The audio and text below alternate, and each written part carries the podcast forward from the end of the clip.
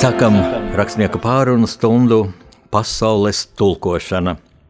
Studijā Jānis Udris un kopā ar mani divi mīļi viesi, kas braukuši uz mūsu studiju 200 km no Mazirbes. Tas ir Mazirbes draugs mācītājs Prāves Kārls Irbe un uh, viņa kundze uh, Vineta Irbe. Un man tūdaļ uh, ienāca prātā, kā man vinēt precīzāk pieteikt, jā, sieva, dzīves biedri, mācītāja kundze sauc arī cienī, cienīga māte, jā, e, bet e, vinēt arī piedalās dievkalpojumos, Mazirus baznīca, esmu jau teicis, ir mana baznīca mm, vasaras mēnešos, kad es dzīvoju Dundagas novadā, mm, tagad Tals novadā. Un Vinēt piedalās dievkalpojumos ar muzikālo pavadīju muzikālo noformējumu, to sauc kantors, vai pareizi Kārlis pateica? Jā, kantors, jā. Pareizi, tātad Kārlis Irbe un Vinita Irbe, un uh, man radās tāda, nu, dvēseliski nepieciešamība uzaicināt šos divus brīnišķīgos cilvēkus, jo jūs veidojat brīnišķīgu ģimeni, un šajā laikā, kad tik daudz apkārt šķiras, un patiesībā, kad es tā pārskatīju savu paziņu loku, ja savus bijušos skolas biedrus, studiju biedrus, man bija ļoti grūti atrast kādu, kurš būtu tā, kā apprecējās, tā mūžu kopā nodzīvoja. Visi divreiz, trīsreiz precējušies, tāda, nu, tāda laikmeta parādība, un tad, ja es redzu tādu stabilu ģimeni, kur Dievs svētījis ar, ar kuplu bērnu pulku, viens tepat blakus rotaļājas, ja, krišānītis, un pavisam jums pieci bērni, pieci, Nu, es gribēju par to parunāt, bet vispirms tā tad es sākšu. Kā jūs to savienojat, kā tu izjūti vinetu dievkalpojumu laikā? Tu esi kancelē, un lūk šis muzikālais pavadījums ar ģitāru. Nu, ne tikai kancelē, arī altārī esot, un ne ļoti labi. un atbalsts ir. Es arī citreiz ir kā, kādas um, laulības kopā. Nu, es vadu laulību dievkalpojumu vai arī izvadīšana kādreiz no baznīcas, un tad uh, nereti viena ir tā, kas arī uh, pavada muzikāli.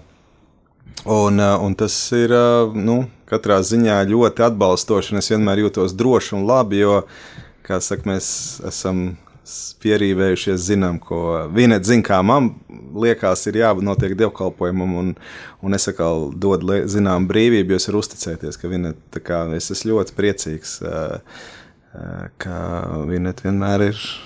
Nu, cik, cik vienmēr var, gatavi, vienmēr gatavi kalpot, un tad, kad var, tad arī kalpo. Jā. Es tā skatos, viņa klausās, smaida, nu, piekrīt. Ja? Jā. Bet vai tu vienmēr tā piekrīti vīram, un, un kā tas ir, ka tu esi kristiete, tu esi beigusi arī teoloģijas fakultāti, un tā, nu, manā priekšā, tas aizējas baznīca, tas ir mācītājs, ja, ārpus baznīcas vai, vai ārpus dievkalpojumu, nu, es atļaujos uzskatīt arī mans draugs, kurus ļoti mīlu, cienu, uh, Bet kā tas tev ir? Vai tu arī dievkalpojuma laikā tas ir mans vīrs, vai ne? Tas ir mans mācītājs, mana autoritāte, vai kādreiz arī ir tā, ka tu esi kādu kritiku dzirdējis par savu muzikālo izvēli.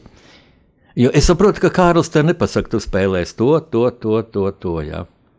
Jā, mūsu attiecībās, jeb uh, vadības modelī ir mīlestība, mīlestība ar brīvību. Viņš man uzticās, un es cenšos, protams, nepievilt. Bet kā es uzlūkoju Kārli, arī bērniem mācu, ka priekšā ir mācītājs un kas tad ir mācītājs. Viņš reprezentē Kristu. Es kalpoju Kristum. Klausot Kārli vai kalpojot ar viņu kopā, es mīlu Dievu, es slavēju Dievu ar to paklausību, ar pazemību, būt gatavībā, būt komandā, būt atbalstam. Tas ir veids, kā es varu slavēt Dievu. Tas tā nav vienkārši. Man liekas, tā ir tāda liela privilēģija un, un arī atbildība. Nu, neizdarīt slikti, varētu teikt, vienmēr var censties virzīties uz vēl lielāku pilnību. Un, bet nu, es esmu tur, kur es esmu. Šobrīd es nevaru studēt konservatorijā ar, ar bērnu pulciņu, un iet kursos, un mācīties un spēlēt ar citiem, bet es varu būt Dievu priekšā. Es varu būt baznīcā, es varu būt tur, kur ir Kristus vārdā un sakramentos. Un es viņu varu slavēt, jo viņš ir cienīgs. Jā, pašlaik rit jau trešā advente, un šis adventa laiks, nu, es to uztveru kā tādu pārdomu laiku, vērtību pārvērtēšanas laiku, izvērtēšanas laiku. Mm, Kā jūs to izjūtat savā ģimenē? Bet es gribētu sākt ar Vinetu. Kārlis jau ir bijis mūsu raidījumā, un es gribu runāt arī par sieviešu nu, situāciju mums, pie mums Latvijā. Varbūt, ja būs laiks arī par pasaules tendencēm, bet drošības pēc es došu priekšroku tagad dāmai, kā parasti dāmas pa priekšu. Lūdzu, kā tu izjūti adventa laiku, Vineta? Kā es izjūtu adventu laiku?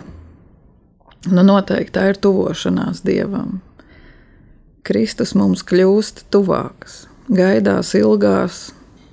Mazliet, varbūt, protams, tas ir tāds nogurums un liekas, nu cik vēl ilgi.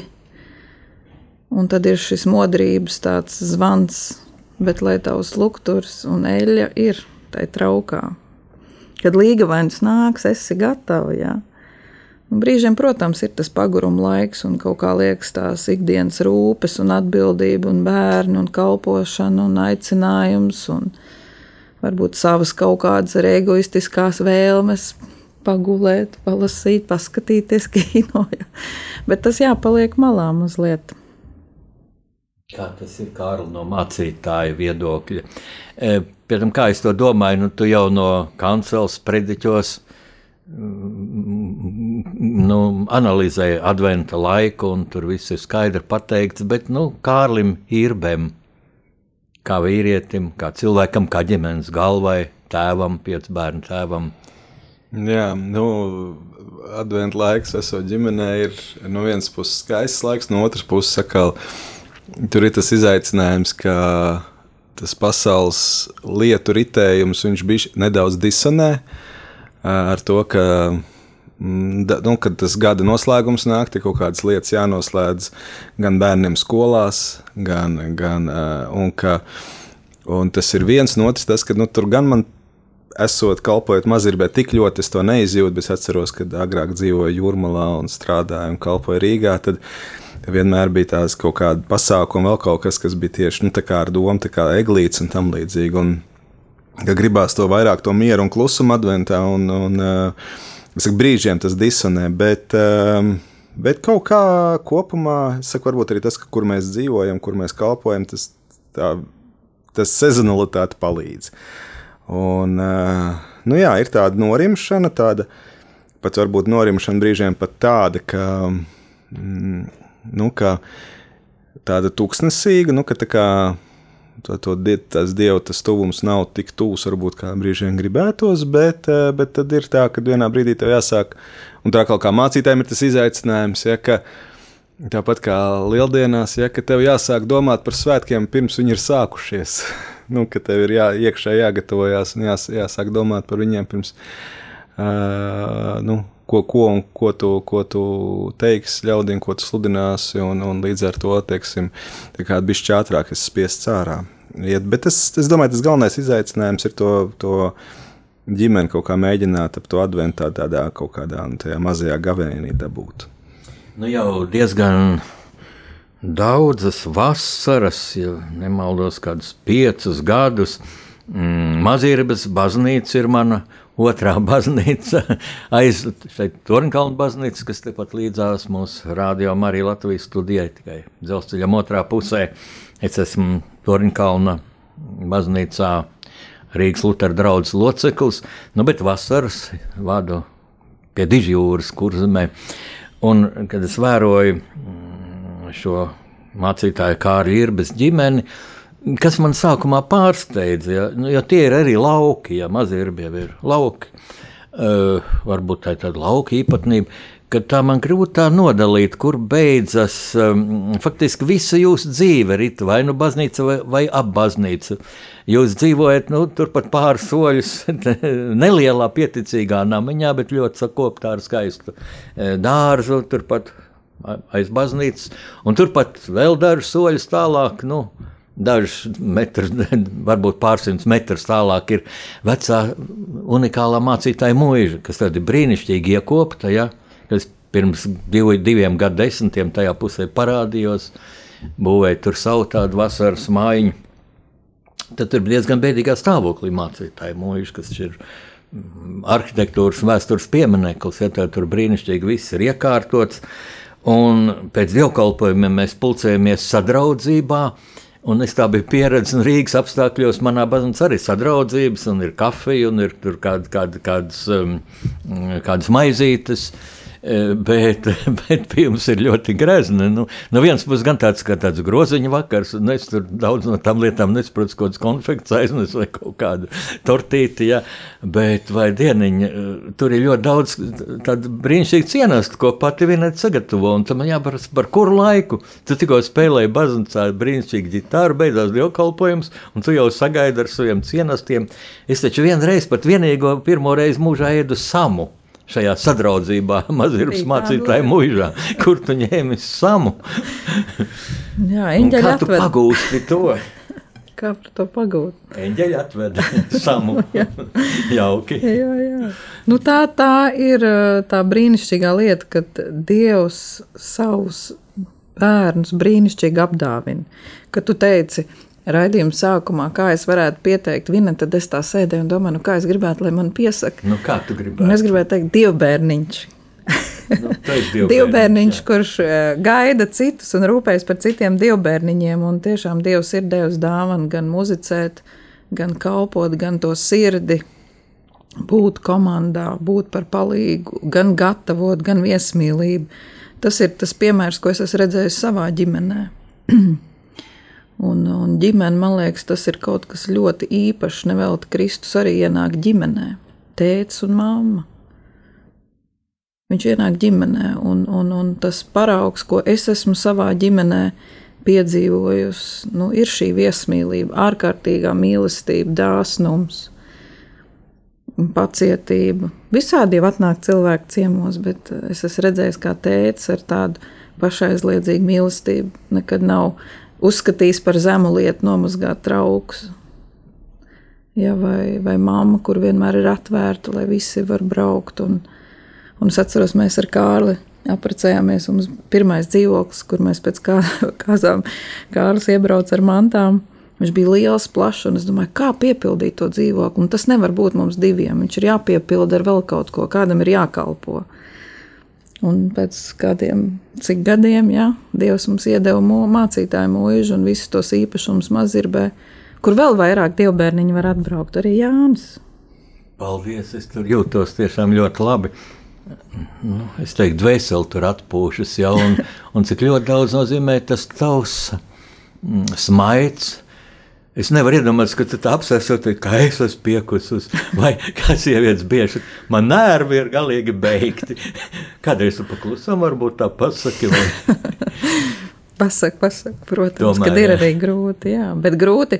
Man vienreiz bija tāda situācija, kas bija ļoti, ļoti nogurusi, un, un kārs bija kaut kur aizņemts. Un, un man nebija pat kam, kā saka, pačīgs tēt uz, uz, uz pleca un teikt, vai kā es esmu piekusis un, un, un tā. Un, Un nu nav, nu nav, un es pilnīgi asarām acīs saku, Dievs, bet man pat nav kam paraudāt šajā mirklī uz pleca. Un pilnīgi neviļus es ieslēdzu, es neatceros, YouTube kaut ko telefonā garām ejot, un tur mācītājs saka, viņš saka, ja jums ir krusta sajūta, ka jūs nesat krustu, viņš saka, tā ir tā īstā dievbērna kristiešu sajūta. Šajā dzīvē nav tāda laimība, ja no oāzes uz oāzi. Tā krusta sajūta, ka mēs ejam uz debesīm. Kristus dēļ. Tā ir tā īstā sajūta. Man tas likās, ka pats Jēzus man paņēma un ka viņš ir tas, kas dod spēku arī tam krustam iet cauri. Un tā Jā. ir tā garoza saucamā, ja katrā darbā garoza kaut ar tevi patīk tavs darbs. Un kalpošana. Kārli Vineta tikko minēja tā, ka Kārlis ir aizņemts, ja tu esi prāvests. Mm, ko tas nozīmē tev tavā uh, atbildībā ir vesela virkne baznīcas tur šajā skaistajā Latvijas uh, rietumu daļā. Ziemeļkurzemē. Ziemeļkurzemē, ja cik tev ir baznīcas. Un, jo es kādreiz es braucu uz dievkalpojumu, ja, Un šodien Kārlis nav. Kārlim pienākumu citur. Ja, un tā vien, vienmēr tev ir brīnišķīgi aizvietotāji. Māris Sārma ir, kur es pazīstu, viņš kādreiz mācījās kopā ar manu meitu Lietuvas mākslas vidusskolā, un tad uh, vēl uh, Kronbergs ir. Brīnišķīgi aizvieto, nu, bet Kārlis ir, bet tas nav. Jo Kārlis ir, bet mums ir prāvests. Kā? Jā, nu tas ir tā, ka ir mūsu diecēzes, kuras vada biskupi, ir sadalīti iecirkņos, kur, kurus biskupam palīdz vadīt prāvesti. Un prāvests ir vēlēts amats, tas nav uz mūžu. To mēs jau uz septiņiem gadiem no iecirkņa mācītāja vidus tad, tad izrauga un iedod biskupam divus kandidātus. Un biskups tad izraugās no tiem diviem kandidātiem viena, kur viņš tuvākos septiņus gadus grib sadarboties iecirknī. Manā iecirknī ir uh, 16 draugas um, un um, dažādi lielumi. Lielākā daļa, ne lielākā daļa, teiksim tā, lielākā daļa ir, varētu teikt, tāda mazirbas lieluma draudzes, un tad ir dažas lielākas, un tad ir pavisam tādas pavisam maziņas, kur visticamākais vismaz vienu mēs raugāmies, ka pievienos, apvienosim, nu, kad, ka tur, tur tāda pati pa sev tā draudzība, diemžēl, juridisko personu status likvidēs, bet draudzes, protams, dievkalpojumi tur notiks. Vienkārši nebūs vairs tie juridiskās klapas administratīvās. Jā, nu un tad ir uh, iecirknī. Ir, Katru reizi man pat cik pēdējā laikā ir bijušas daudzas pārmaiņas, man vienmēr jāpārskaita. Ir. Uh, bet es teiktu, tā, uh, ka pieci pa, pa, nu, mācītāji, kas kalpo pilnā laikā, nu, vai teiksim, pilna atbildība uzņemās, ieskaitot mani, Un tad man ir uh, trīs vikāri, ja, tas ir, ko, kas man brauc aiz. Nu, ne tikai mani, bet, teiksim, vajadzības gadījumā. Tas nozīmē, ka viņi ir nodarbināti arī citur, uh, kā kādu laicīgu darbu strādā. Tad, tā, kā, jā, nu, tā ir tā atbildība, uh, kas, uh, kas ir vēl papildus gan draudzēji, gan, gan ir rekolekciju centra vadīšanai. Uh, protams, ģimenei un, un arī tad jāprāvest pienākumu.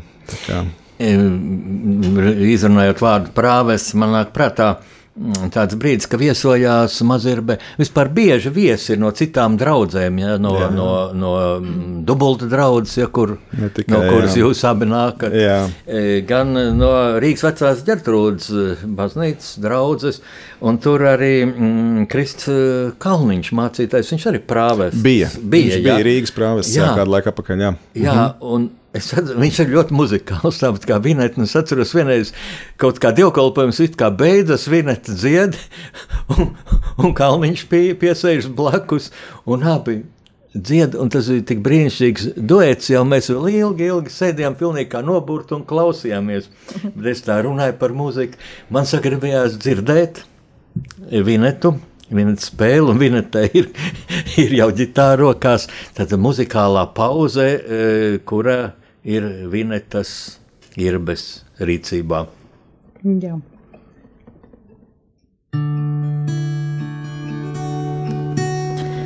Tu esi šeit, un projām neaizēji. Tu esi šeit, un durvis neaizvēr. Tu celt vēl skauj, tu esi šeit, un roku neatlai, tu esi šeit, un projām neaizēj, tu celt vēl skauj,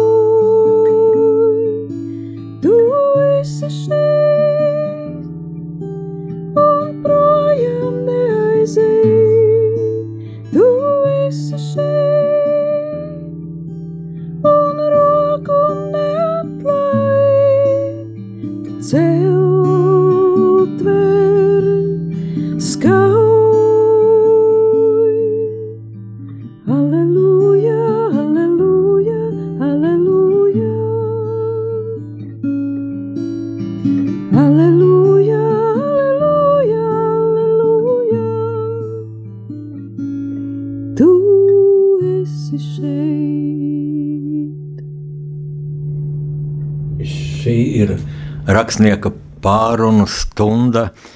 Pasaules tulkošanas, gan Rādio Marija Latvija. Studijā Jānis Udris kopā ar diviem brīnišķīgiem viesiem, ar uh, Mazirības draugu mācītāju prāvestu Kārli Irbi un viņa kundzi mm, Vinetu Irbi. Es domāju, ka jūs, mīļie klausītāji, vēl gribētu dzirdēt, kā Vineta dzied. Vēlreiz būs tāda iespēja, bet tagad man ir virkni arī jautājumi, arī tādi, ar kuriem pie manis vēršas mūsu klausītāji. Mm, Nu, un viens ir par šo ļoti sajukušo pasauli, gan karš Ukrainā, gan problēmas pie mums. Un šajā rudenī mm, pie manis viesojās manas pirmās skolas teiks, vidusskolas direktore.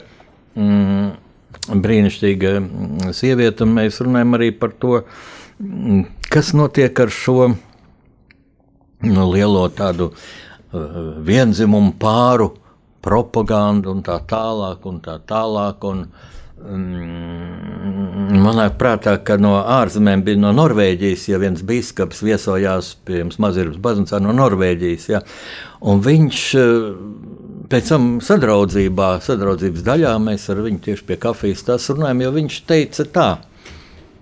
Laikam jau tādu dievkalpojumu izskaņā, ka nu paldies, ka es varēju viesoties pie jums īstā tādā kristiešu noskaņā, jo es savā baznīcā jūtos, nu, savā valstī jūtos pavisam tā, nu, neomulīgi, un es varu iedomāties, kā jūs te jutāties 87. gadā, kā 87. gadā viņš minēja komunistu okupācijas laikā, padomu režīmu laikā, un es nesapratu, viņam izstāstiet, Un izrādās, ka viņš nevar vairs brīvi runāt, jo viņš pārstāv nelielu Norvēģijas baznīcas daļu, kā biskups, kas ir tradicionālā baznīca, kurā tā tad uh, ir pret uh, homoseksuālu nu, kopā dzīvošanu. Ja? Mm, arī pret sieviešu ordināciju, kā es sapratu.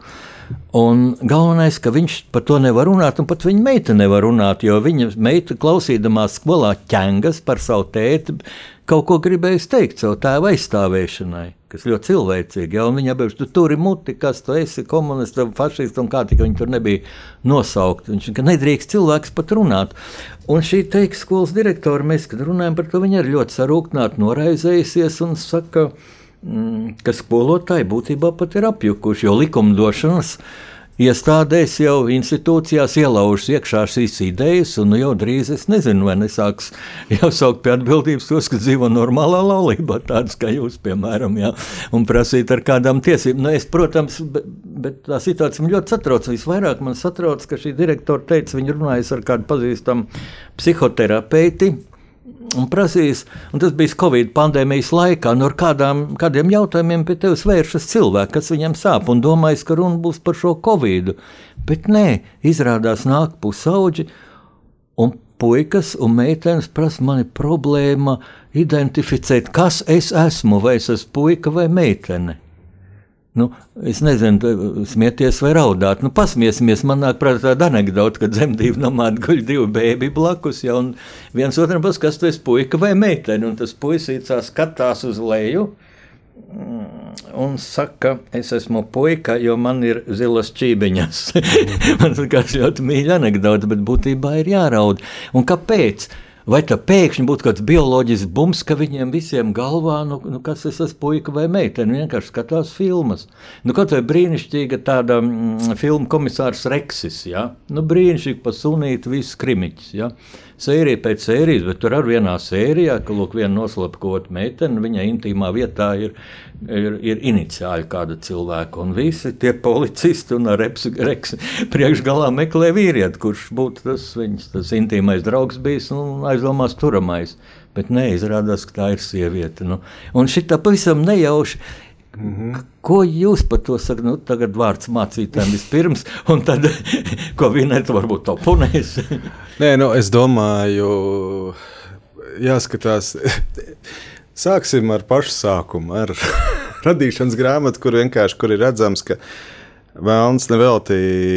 Gan tas ir sīraka grāmatā, ja, ka rakstīts, ka nav pasaulē ienācis vēlams kaudības dēļ. Un tiešām, ja mēs raugāmies, kad, ka vēlams jau no paša sākuma ir ienīcis cilvēku, un tāpēc arī viņš pavadināja ievu un ādamu grēkā, lai panāktu savā varā Un, un dažādos veidos vienmēr viņš ir uzbrucis cilvēkam. Ja, un, un tā, un tagad teiksim, viņš ir nonācis tik tālu, ka viņš uzbrūk pašai identitātei, bet kas arī ir atrodams rakstos, kur, kur Pāvils vērojot sabiedrību, pat nevērojot, es domāju, tas ir Dieva atklāsmes viņam bija kur viņš romiešu vēstulē saka, ka tie noraidīdami Dievu kā radītāju, ja, Dievs viņus nodod viņu sirds kārībām. Ja, kad, kad, teiksim, kad cilvēks novēršas no Dievas, uh, pat nav stāsts par to, ka tu, nu, tu neatzīsti Dievu kā radītāju. Ja, ka, teiksim, tas agri vai vēlu noved pie tā, ka tu ka tās tā ļaunās sirds samaitājās līdz galam, uh, Un, un tur ir ļoti skaidri aprakstīts, ka uh, sieviete iekaist kārībā uz sievieti, vīrietis uz vīrieti. Ja? Un, un vēl plus vēl tam, ka tikai ne tikai nosoda, kas ir ļauns, bet vēl priecājās par to. Kā jau saka, atver, atver uh, romiešu vēstules uh, pirmo nodaļu, atver jebkuru internetu portālu, ja teiksim, ziņu portālu, un noliec blakus, un tur redz, jā, tas tagad notiek. Ja, iemesls dziļākajā būtībā ir uh, katra cilvēka un sabiedrības kopumā, jā, tā novēršanās no dieva, kas viss tur, tur aizved. Un tas, ko tu pieminēji par psihoterapeitu, jā, tas ir tas trakākais, ka, ka bērni šajā visā ir padarīti par preci, objektu. Tā kā agrāk, nevis agrāk, bet tā kā sievietes tiek padarītas par preci un objektu. Ja teiksim, kad, ka, ka viņas nu, kaut kādā ziņā uh, arī nu, modeļi, viss vis šī lieta. Bet, eh, bet arī, arī, arī bērni šajā gadījumā, ja, teiksim, ka cīnās par bērnu adopcijas tiesībām uh, vienzimumu pāriem, ja, vai, vai vēl ļaunāk ja, par to, lai viņiem būtu tiesības sevi sagraizīt, ja, uh, kur faktiski medicīnas industrija, tas, tas, kas vēl Latvijā, paldies Dievam, lielos apjomos nenotiek. Es nezinu, vispār nenotiek, bet, bet lielos apjomos katrā ziņā. Bet tas, kas Amerikā, tas ir nenormāli, ka pelna uz bērna psiholoģisku ievainojumu, ka viņš ir kā tu sāki apjucis. Viņš nesaprot. Ja? Un tas tā mēdz būt. Ja? Kad paņem tā vietā, lai teiksim, palīdzētu viņam tikt ārā un iemīlēt to dzimumu, kurā viņš ir, kurā viņš ir Dievs viņu radījis, atzīt to un iemīlēt to. Jo katram dzimumam ir savs skaistums. Uh, viņi nostiprina šo, šo ievainojumu. Un ne tikai nostiprina psiholoģiski, bet vēl sa, sakropļo viņu. Ja? Tā, tā ir noziedzība, kas notiek. Un tas ir tas ļaunums, kas teiksim, parāda, ka, teiksim, kā vēlams pasaulē darbojas, ja, viņš ienīst cilvēku. Ja? Un, un, un tie cilvēki, kas novēršas no dieva, viņi nonāk vēlnu varā. Un tad šīs lietas tiek dažādos veidos propagandētas. Un, uh, Nu, viņi paši nesaprot, ka viņi patiesībā lielākā daļa no viņiem varētu teikt, ir labticīgi cilvēki, kas to atbalsta, domā, ka viņi ir toleranti un patiesībā viņi nesaprot, ka līdzīgi kā tagad tas Ukraiņas kara kontekstā ir tas jēdziens. Kas tad ir labie krievi? Ja? Kad arī kad bieži vien mēs konstatējam, ka viņu labie nodomi patiesībā atbalsta to noziedzīgo režīmu. Ja? Tā kā te ir līdzīgi, ja, cilvēki, kas nesaka, ka viņi domā ļauni, uh, bet viņi neapzinoties piedalās tajā. Un, un tas spēks nāk, diemžēl tas spēks nāk no vēlna caur viņiem. Jā. Cik zīmīgi, ka tu tikko pieminēji Ukraiņas karu. Es atzīšos, es tā domāju, nu, mēs to atstāsim tā beigās, jo mums ir tik daudz problēmas, bet redz, kā karš acīm redzot sāsina to, tos tumsus viņš parāda, spēkus. Viņš, patiesībā viņš, viņš, protams, viņš sāsina, viņš parāda to ļaunumu, kas ir cilvēks, uz ko cilvēks ir spējīgs. Uh, nu, kā jau saka, to grēka dziļumu. No otras puses, no otras puses viņš arī parāda patiesību, un, un arī atkal dod iespēju arī būt spilgtāk. Teiksim, ja, piemēram, labklājīgā sabiedrībā grūtāk bija ieraudzīt drosmi, būtu grūtāk ieraudzīt varoņus ja teiksim, tagad mums ir skaidrāk, gan arī pārliecība par kādām lietām, ja teiksim, par, par, par robežām, ja, ka tam ir ļoti liela nozīme. Ja. Tas viss, teiksim, karš parāda. Ja viņš, protams, viņš parāda to grēku dziļumu, bet viņš arī parāda patiesību kaut kādā ziņā. Nu, kā. Man jāatzīstās, ka es ļoti daudz esmu domājis tieši par vinetu. Tādā sakarā kad es vēroju jūsu brīnišķīgos bērnus, pieci bērni.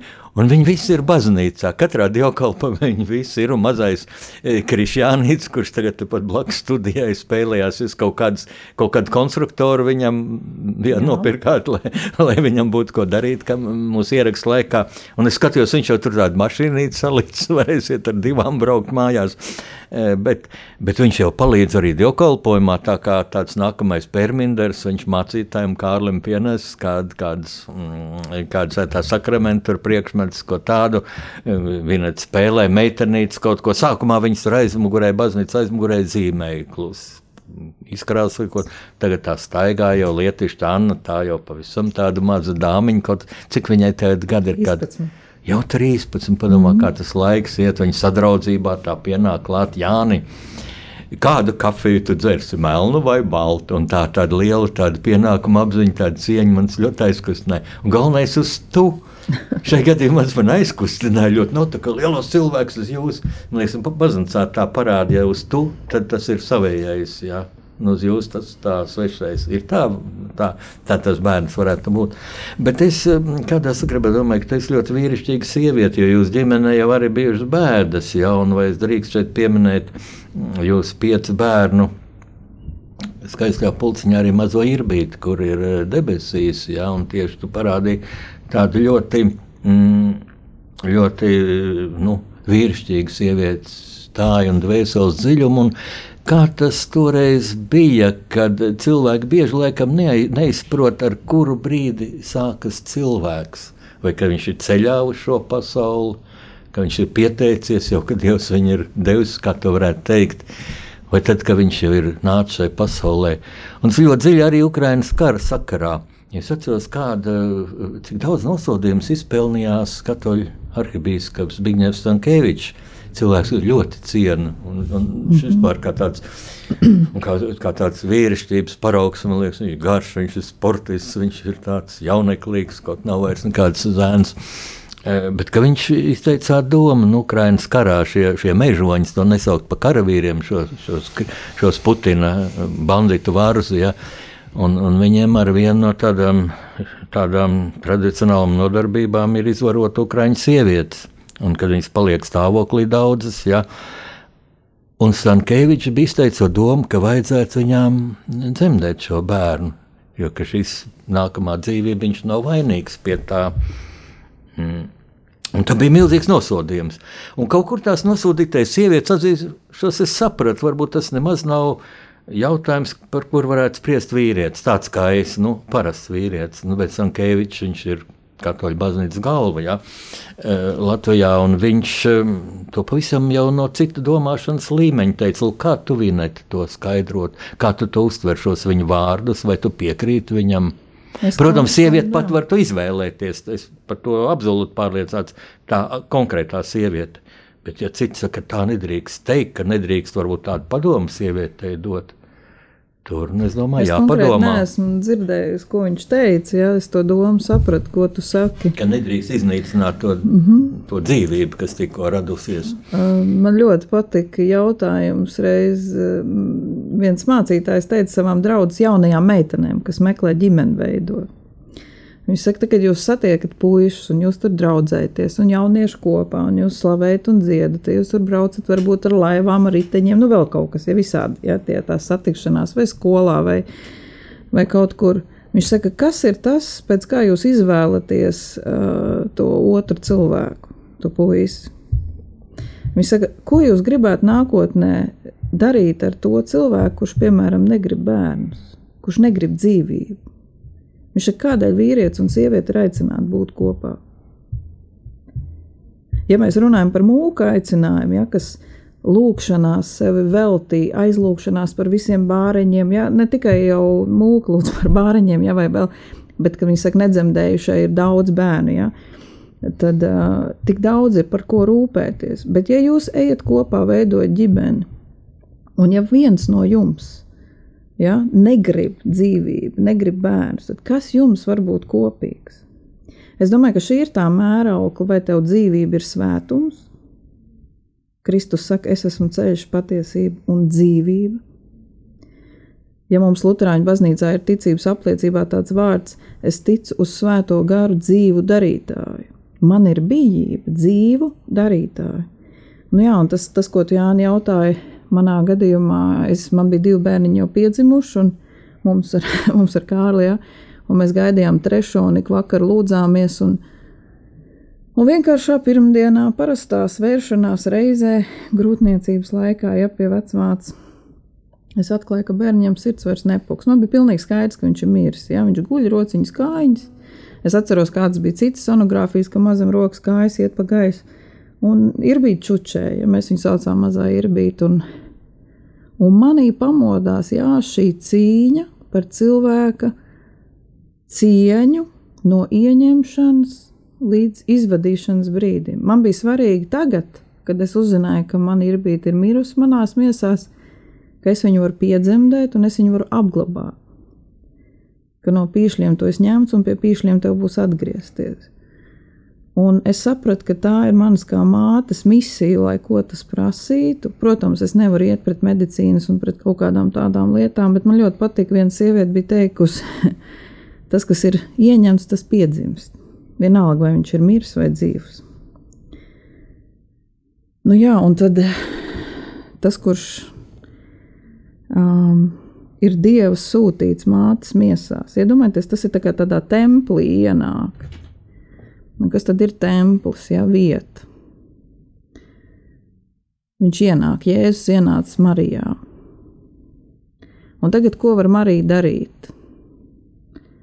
Nu, iedomājieties, ja Marija tagad teiktu, ārprāts, kādā stāvoklī es esmu, jā, tad, tad tajā politiskajā situācijā viņa teikt, nē, ja es negribu to pazemojumu, to kaunu, to vēl, vai ne, vīrs, jā. Un viņa teikt, nē, tu vai iznīcināsim bet viņi savā miesās nes dzīvu darītāju, dievu, kas nes dzīvību, kas nes atdošanu, kas, kas vispār mums, man liekas, tā grūti ar prātu aptverams. Un uh, mazs cilvēks un cilvēks. Šausmīgos apstākļos Ukrajinā, ja, ja tās sievietes ir stāvoklī, viņas ir šo bērniņu ieņēmuši briesmīgā nežēlībā, bet viņš ir cilvēciņš, maziņš,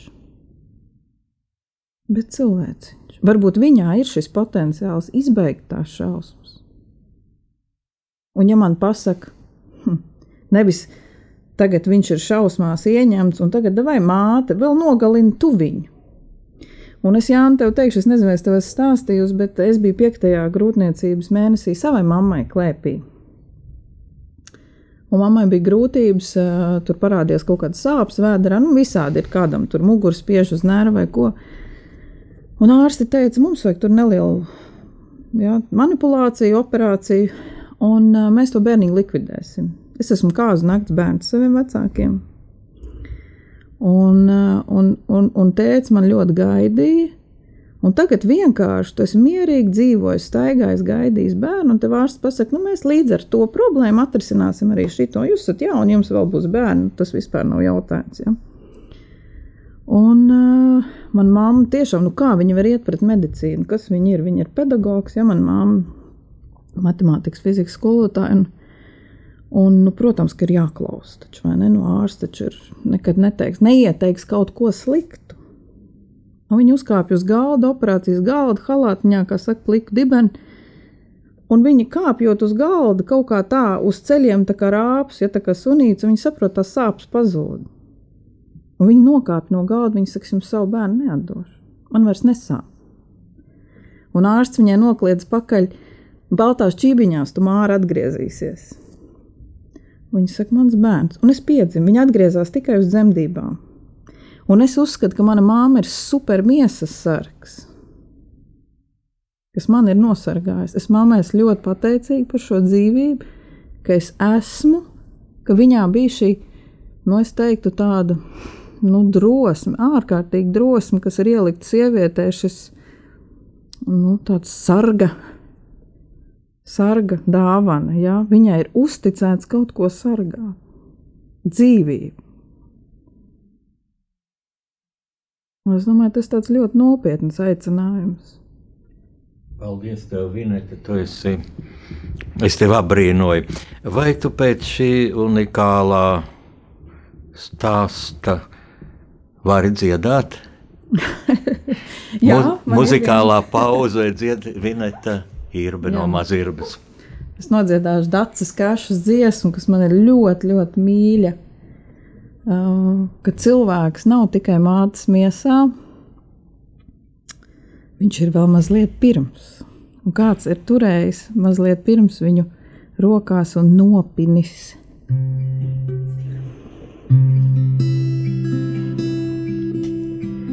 Dievs, tavā priekšā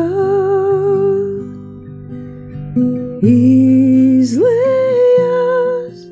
man sirds par to, cik labs pret mani tu. Es varu uzlidot tur mākoņos, bet tavu godību man neizprast tāpat. Tu sirdīs kustini un veido ikvienu prātu zini tu. Biju tava acu priekšā un tavā sirdī tavs. Kā iedīglis bez miesas jau, kā iedīglis bez miesas jau, kā iedīgli bez miesas jau, tu mani mīlēji.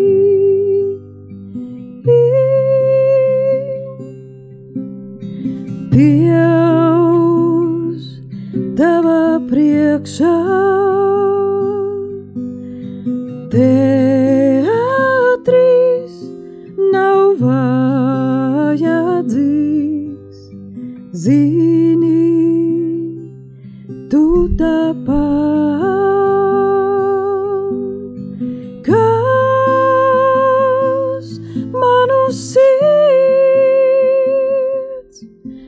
esi ķēnišķīgs un sēdi tronī, bet savam bērnam klēpī ierāpties tu nelieksi nekā. Tu sirdīs kustini un veido ikvienu prātu zini tu. Biju tavā acu priekšā un tavā sirdī tavs. Kā iedīglis bez miesas jau, kā iedīglis bez miesas jau, kā iedīgli bez miesas jau, tu mani mīlēji.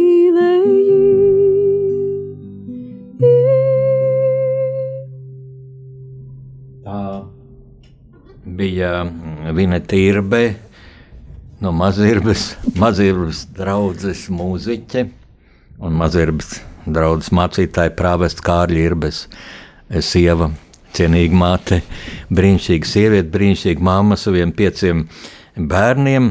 Un tieši Vineta tev es gribu tagad prasīt ļoti tieši. Vai Latvijā sievietes tiek diskriminētas? Minēšu konkrētu piemēru. Tu esi beigusi teoloģijas fakultāti. Jā. Kāpēc tu neesi mācītāja? Un tu nemaz nevarētu būt, ja ļoti gribētu. Jo uh, Latvijā uh, sievietes netiek koordinētas par mācītājiem. Un, un nu, es saka, nelaižu muļķi. Daudz cilvēku to arī izmanto kā argumentu. Lūk, sievietes tiek diskriminētas. Pēc tam es prasīšu arī, protams, Kārlim, mācītājiem, bet vispirms tu jā, lai nekas tev netraucētu atbildēt.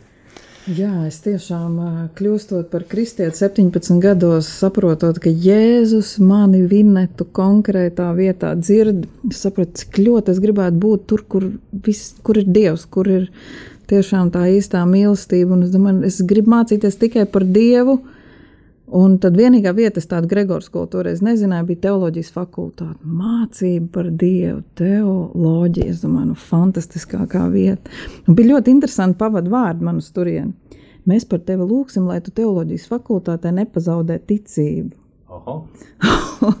Tādi man bija ceļu vārdi, un starp citu, es toreiz pazinu Gundagu puidzu, kas šodien kalpo ārzemēs, jā, pāri okeānam ir mācītāji, un viņi bija manas māsas auklīte, un viņi ir arī manas mammas skolniece, man mamma vēlāk, kā matemātikas skolotājs pasniedza arī kristīgo pulciņu, viņa vadīja, un daudz bērnus viņa pie Kristus, nu, kā saka, aizved, liecināja par Kristu, un viņa arī izvēlējās būt. Un šī Gundaga bija tas mazais nu, matiņš, ja, kas man noveda līdz teoloģijas fakultātei, jo viņi tur studēja. Un studējot, jā, arī es piedzīvoju šo pārbaudījumu, es tagad teikšu, jā, Dievs mūs pārbauda. Uh, tos, ko viņš mīl, viņš pārbauda. Un man bija šis aicinājums, Jā, no Ernsta Rozīša, kad um, trimdā cilvēki mirst, mūsu brāļi, māsas, latvieši, kas dzīvo ārzemēs. Viņi mirst, un nav kas viņus izved, nav mācītāji, nav kas kalpo. Un man sirdies redzēja tās māsas no vecākiem kursiem, tāpat Gundaga, ja pa man četri gadi vecāka, um, viņas aizbrauc, un es redzēju, cik viņa dzīve ir nelaimīga. Un es tev kā sieviete to saku ar tādu mugurkaula um, serdi, nu nezinu, ja, es iekšēji, man tik šausmīgi sāpēja tas, ko es redzēju. Es nevarēju varbūt to vārdiem tā aptvert, bet es redzēju to pievilšanu, to ņirgāšanos par viņām, ka viņas kā klauni tiek izmantotas. Nu, ot, ko draudze grib, mēs tev maksājam, to, tev tas arī viss jādara. Ja? Un tur nav brīvības, tur nav šīs dieva mīlestības, ja ko, piemēram, es ar Kārlu esmu iepazinusi, uh, uh, kad tu esi mīlam tikai tāpēc, ka tev Dievs ir radījis. Nevis par taviem talantiem vai kādu tu izskaties, bet tu esi kaut kas īpašs, lai tevi mīlētu tikai tāpēc, ka Dievs tevi pieskāries. Un šo cieņu es neredzēju teoloģijas fakultātē. Un es ar savu iekšējo to būtību to redzēju, un tad, kad man bija šis piedāvājums arī braukt uz ārzemēm, man tas likās kaut kas, tas nav man. Tas man ir kaut kas nepieņemams. Un uh, bija māsa, kas palika un izturēja, un kolosāli es varu tikai uzteikt, labā nozīmē to māsu deksmi, iet palīgā, kad tev sauc palīgā. Fantastiski, tas ir sievietes aicinājums. Steigties palīgā, būt komandai. Tur ir vajadzīga palīdzība, es braukšu. Un pat tā varbūt nepadomājot, tas tādas sievišķības tajā man liekas, būtībā tā iedarās, ka viņi tāpat nepadomā uz priekšu. Tas vīrietis ir tas, kas tā gādā. Ja? Un Ernsts Rozīts jā, tā aicināja aktīvi. Un, um, bet es redzēju to galu, ka tas nav. Ka tas nav man. Varbūt sākumā man nebija nekāda teoloģiska tāda argumenta, bet man tas likās pilnīgi kaut kas pret to, ko, ko es meklēju. Un es nonācu, protams, studējot teoloģijas fakultātē baznīcā. Es es ieaugu draudzē, sāku kalpot, un tad satiku kādu dienu Kārli. Jā, un Kārls man aizved uz Lutera akadēmiju. Un tad, kad es nonācu Lutera akadēmijā, es arī gribēju, es domāju, nu, man bišķiņā jāpamācās. Tad pirmais jautājums tajā uzņemšanas komisijā bija Gatis Līdums, mans bijušais pasniedzējs arī. Ja? Šis vinēta, bet kā tad būs? Tu gribi kļūt par mācītāju? Tu taču esi ar teoloģisku izglītību. Un es domāju, ah, oh, vēlreiz man pārbaudi, jā, Dievs. es saku, nu, tēti, tu zini. ka lai cik tas būtu kārdinoši un kādu to iekāru, un vispār kā tad ir Jāna to iekāra, jā? Putins arī ir iekārojis Ukrainu, vai ne? Vai mēs diskriminējam Putinu, ka viņš nedabū to, ko viņš grib? Jā, labs salīdzinājums. Jā, un es domāju, ka tās sievietes brīnišķīgi, ka viņās ir šī brīnišķīgā kalpošana sieviete pati no savas gribas, es domāju, nemeklētu šo, šo ambīciju. Ambīcijas jau kā tādas nav sliktas, jā. bet uh, es domāju, ka tā nav. Ir brīnišķīgi, kur kalpot baznīcā. Jā, es esmu pilna laika, ka pareizi to saka, visa mana būtība ir. Mēs esam tā kā klosters, mini klosters tādā ziņā. Mūsu ģimene kalpo pilnu laiku. Kopiena, kopiena jā. Mm. Un, uh, un, un man liekas, ka ir tik daudz ko darīt, un es redzu vēl un vēl un vēl. Un cik kolosāli ir, ka kāds nes par to atbildību. Kad ir kāds galva, kura galva ir Kristus. Un vienreiz jau tā sieviete ir piečakarēta. Vēlams jau vienreiz ir teoloģiski izgājusi sarunu, un Ieva neizturēja pārbaudi. Nu, lai Dievs dod to pazemību, Arī man, es domāju, ka es tikšu vēl pārbaudīt. man baznīcā uzņemot, ap citu mazības baznīcā daudz arī ārzemju viesu, un viņi saka, Vinet, cik jūs esat kolosāli, un jūs tā runājat, un vāciski, un angliski, un jūs dziedat, un jūs tik viesmīlīgi. Aprieš, kam jums to kārli ir, jūs taču te varētu vadīt to baznīcu? Jā, Jā. Es saku, jā, bet varbūt, kad es bez tā kārļa ierabas šeit nebūtu ko. paldies. Tas bija Vinetas Irbas viedoklis un Dievs liecinieks, ka mēs divi vīrieši ļoti uzmanīgi klausījāmies ar lielu cieņu. E, Daudzas sievietes to nepiekritīs, tu jau zini, jā. Jā, un es gribētu teikt, vai es esmu saskārusies Vīri, ar diskrimināciju Latvijā, kā pret mani kā sievieti? Nē, un starp citu, kad tu jautāji Kārlim par prāvestošanu, bīskaps personīgi atbrauc pie manis, izveda mani pastaigā pa paznīcu sapli un jautāja Vinet, es tev jautāšu pirmai. Vai tu vēlies, ka tavs vīrs būs prāvests? Aha. Un man tā bija ļoti liela cieņas izrādīšana. Es tā domāju, es to tā pieņēmu. Es ļoti pateicos biskupam jā, Hansam Martinam, Jensonam par to cieņu. Un es atceros arī, kad Kārla aicināja pa mācītāju toreiz, es aizmirsu, kas tas bija pa gadu, jā, desmit gadu atpakaļ, ka arī tad bija tā doma baznīcā, ka pirms mācītāja aicina kalpot, runā ar viņu sievu. Jo kāda jēga ir kalpot ģimenei, ja sieva saka, nē, es gribu, nu, nezinu, taisīt desas. Ja, man ir savs bizness, man ir savas ambīcijas, taisīt šokolādes končus, veselīgas, vegānu, piemēram, vai šūt lelles, vai rakstīt grāmatu. Bet uh, tas vīrs, lai arī man ir mājās, ja? tad, tad tur ir tā, divi kungi mājā. Vai tā ir diskriminācija, ka kāds neuzlūko mani kā vīrieti, bet es neesmu vīrietis? Paldies, Vineta. Ļoti unikāls atbildes. Paldies tev, bet es tā baidos, vai tagad nebūs tā, ka es Kārli diskriminēju vīrieti, mācītāju. Kārli, vai vīrieši tiek diskriminēti mūsdienu pasaulē? Daudzās profesijās sievietes dominē pedagoģijā, piemēram. O, jā. Tur vīrieti, nu, uz desmit skolotājām varbūt viens tur fiziskultūras skolotājs ir. Nē, nu, es domāju, kopumā šis jautājums arī es, es vairāk par baznīcu, arī ko viņa aizskāra, ka viņa norādīja, ka bija kas viņa aicina, un kad faktiski arī es domāju, Uh, nu, kas mēs saprotam saskaņā ar rakstiem, kad ordinēt sievietes ir aplami. Uh, kad, ka tas ir, nu, Kristus to nav aicinājis, Svētais Gars uz to neaicina. Uh, man liekas, tā, aplamība dažreiz atkal mūsu tāds akmens dārzņā, ka mēs tām sievietēm, kas tur raujās, dusmojamies, bet patiesi varbūt jādusmojas pašiem sevi vai nē, vai drīzāk, jo ir jau kādi, kas to ir pielaiduši un sākuši, un tie ir bijuši vīrieši, jo pirms tam visu laiku ir vīrieši bijuši. Tieši un, uh, un tas ir kaut kāds tas vīriešu vājums un gļēvums, kas ir uh, to, to situāciju pielaidis. Uh, un arī es domāju, vispār, ja mēs uz pasauli skatāmies kopumā, jā, mēs varam dusmoties uz tām. Teiksim, nesen redzēju bildi, ja teiksim, uh, runā par to, ka jābūt kvotām, jābūt vienādam vīriešu sadalījumam. Piemēram, interesanti, ka teiksim, tiesnesis jā, Latvijā ir vairākums ir sieviešu. Jā, ka tas iztiesā tiesa. Es neko nesaku slikti par viņām, bet tādā nozīmē, ka, ka īstenībā tas uh, smieklīgi, ka runā par kaut kādu diskrimināciju vai, vai nevienlīdzību, ja, bet tad jautājums, kur mēs viņu meklējam. Ja? Teiksim, tāpat arī par profesijām skatāmies, ka teiksim, visbīstamākās profesijas joprojām nezinu, kāpēc vīrieši viņās ir. Ja? Ne, sievietes tur kaut kā neraujās. Uh, tā kā nu, visbīstamākās tādas, kur tiešām var aiziet bojā, kur tiešām var savainoties un tam līdzīgi.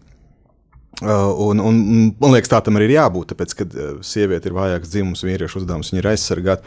Un es domāju, Protams, ir tās tendences, ka par vīrieti teiksim, nu, ir, ir, ir teiksim, kreisi noskaņotu cilvēku vidū, ja ir, ir teiksim, tā tendence runāt par tā saucamo tos- toksisko vīrietību, bet tā, man viņa jāparāda, viņi nevar parādīt. Bet, nu, ka, kas tas ir precīzi, cilvēki nevar nosaukt, tikai runā par to. Ja? Bet tā ir vīriešu atbildība, teiksim tā, vienkārši runājot. eh, Pat cik ir Ukraiņā karš, tagad drīkst tā runāt, ja, kad atkarot savas pozīcijas. Tagad mm, pēdējās raidījuma minūtes aizrit, ja tu minēji Ukrainu. Pasaka, nu man ir tāds jūtas, mācītāji zina, ja ne visu, tad ļoti tuvu tam, ko tu sagaidi no jaunā gada un tieši Ukrainas kontekstā. Zini, kā ir. Protams, ka mēs ticam un ceram un lūdzam par Ukraiņas uzvaru, nu, saprotot to, ka viņi atkaro savu, savu uh, teritoriju ja, uh, un, un, un, un, uh, un, teiksim, un izdara to tādā veidā, ka Krievi arī saprot, ka jābeidz šis ir, ja, ka tas karš tiek izbeigts. Bet, uh, bet uh, kā būs, to Dievs zina. Es domāju, mums, mēs nedrīkst, pirmkārt, mēs nedrīkstam būt pašpaļāvīgi, lētecīgi un naivi. Uh, un vienkārši ir jābūt, jāatbal, jāturpina atbalstīt un, un jālūdzās par to, lai tas tā tiešām notiktu. Uh, un, um, bet es nevaru pateikt. Protams, ir viens, ko prognozē militāri eksperti, ja, un arī paši ukrāņi, ko teiksim, saka, ja, bet, bet, bet ir jāapzinās arī tā realitāte, kad, kā reiz viens ukrāņu padomnieks teica, ja, ka visticamāk mēs dzīvosim kā Izraēla ar to domu, ka raķetes var ik pa laikam pie mums lidot. Nu, kad jāapzinās, ka, ka Krievija mēs esam ieraudzījuši, kāda, diemžēl, ir Krievijas sabiedrība, savu imperialismu, kas ir cauraudzis visu sabiedrību, vairāk vai mazāk. Ja? Un kamēr tas tur nebeigsies, viņi būs draudz uh, apkārtējām tautām. Ar to jārēķinās. Lielās atbildības laiks, un ko tu vineta gaidi no jaunā gada kā piecu bērnu mamma un kā baznīcas nu, mana karstākā, mana karstākā lūkšana, un tā ir tiešām tāda lūkšana, ko es esmu satvērus. Mies debes tēvs dāvā drosmi mūsu tautai, cilvēkiem, kas šeit dzīvo, mūsu brāļiem, māsām blakus, drosmi sekot Kristum un ļauj iemīlēt Jēzu no visas sirdsdziļumiem. Paldies jums, mīļie! Mm, tā bija rakstnieku pārunu stunda pasaules tulkošana, kurā ciemojās ma Mazirabes draugs mācītājs Prāvests Kārls Irbe ar savu brīnišķīgo kundzi Vineti Irbi. E, paldies, ka bijāt šajā stundā kopā ar Radio Mariju Latviju, lai Dievs jūs svētī un sargā, lai Dievs svētī Latviju. Amen. Amen.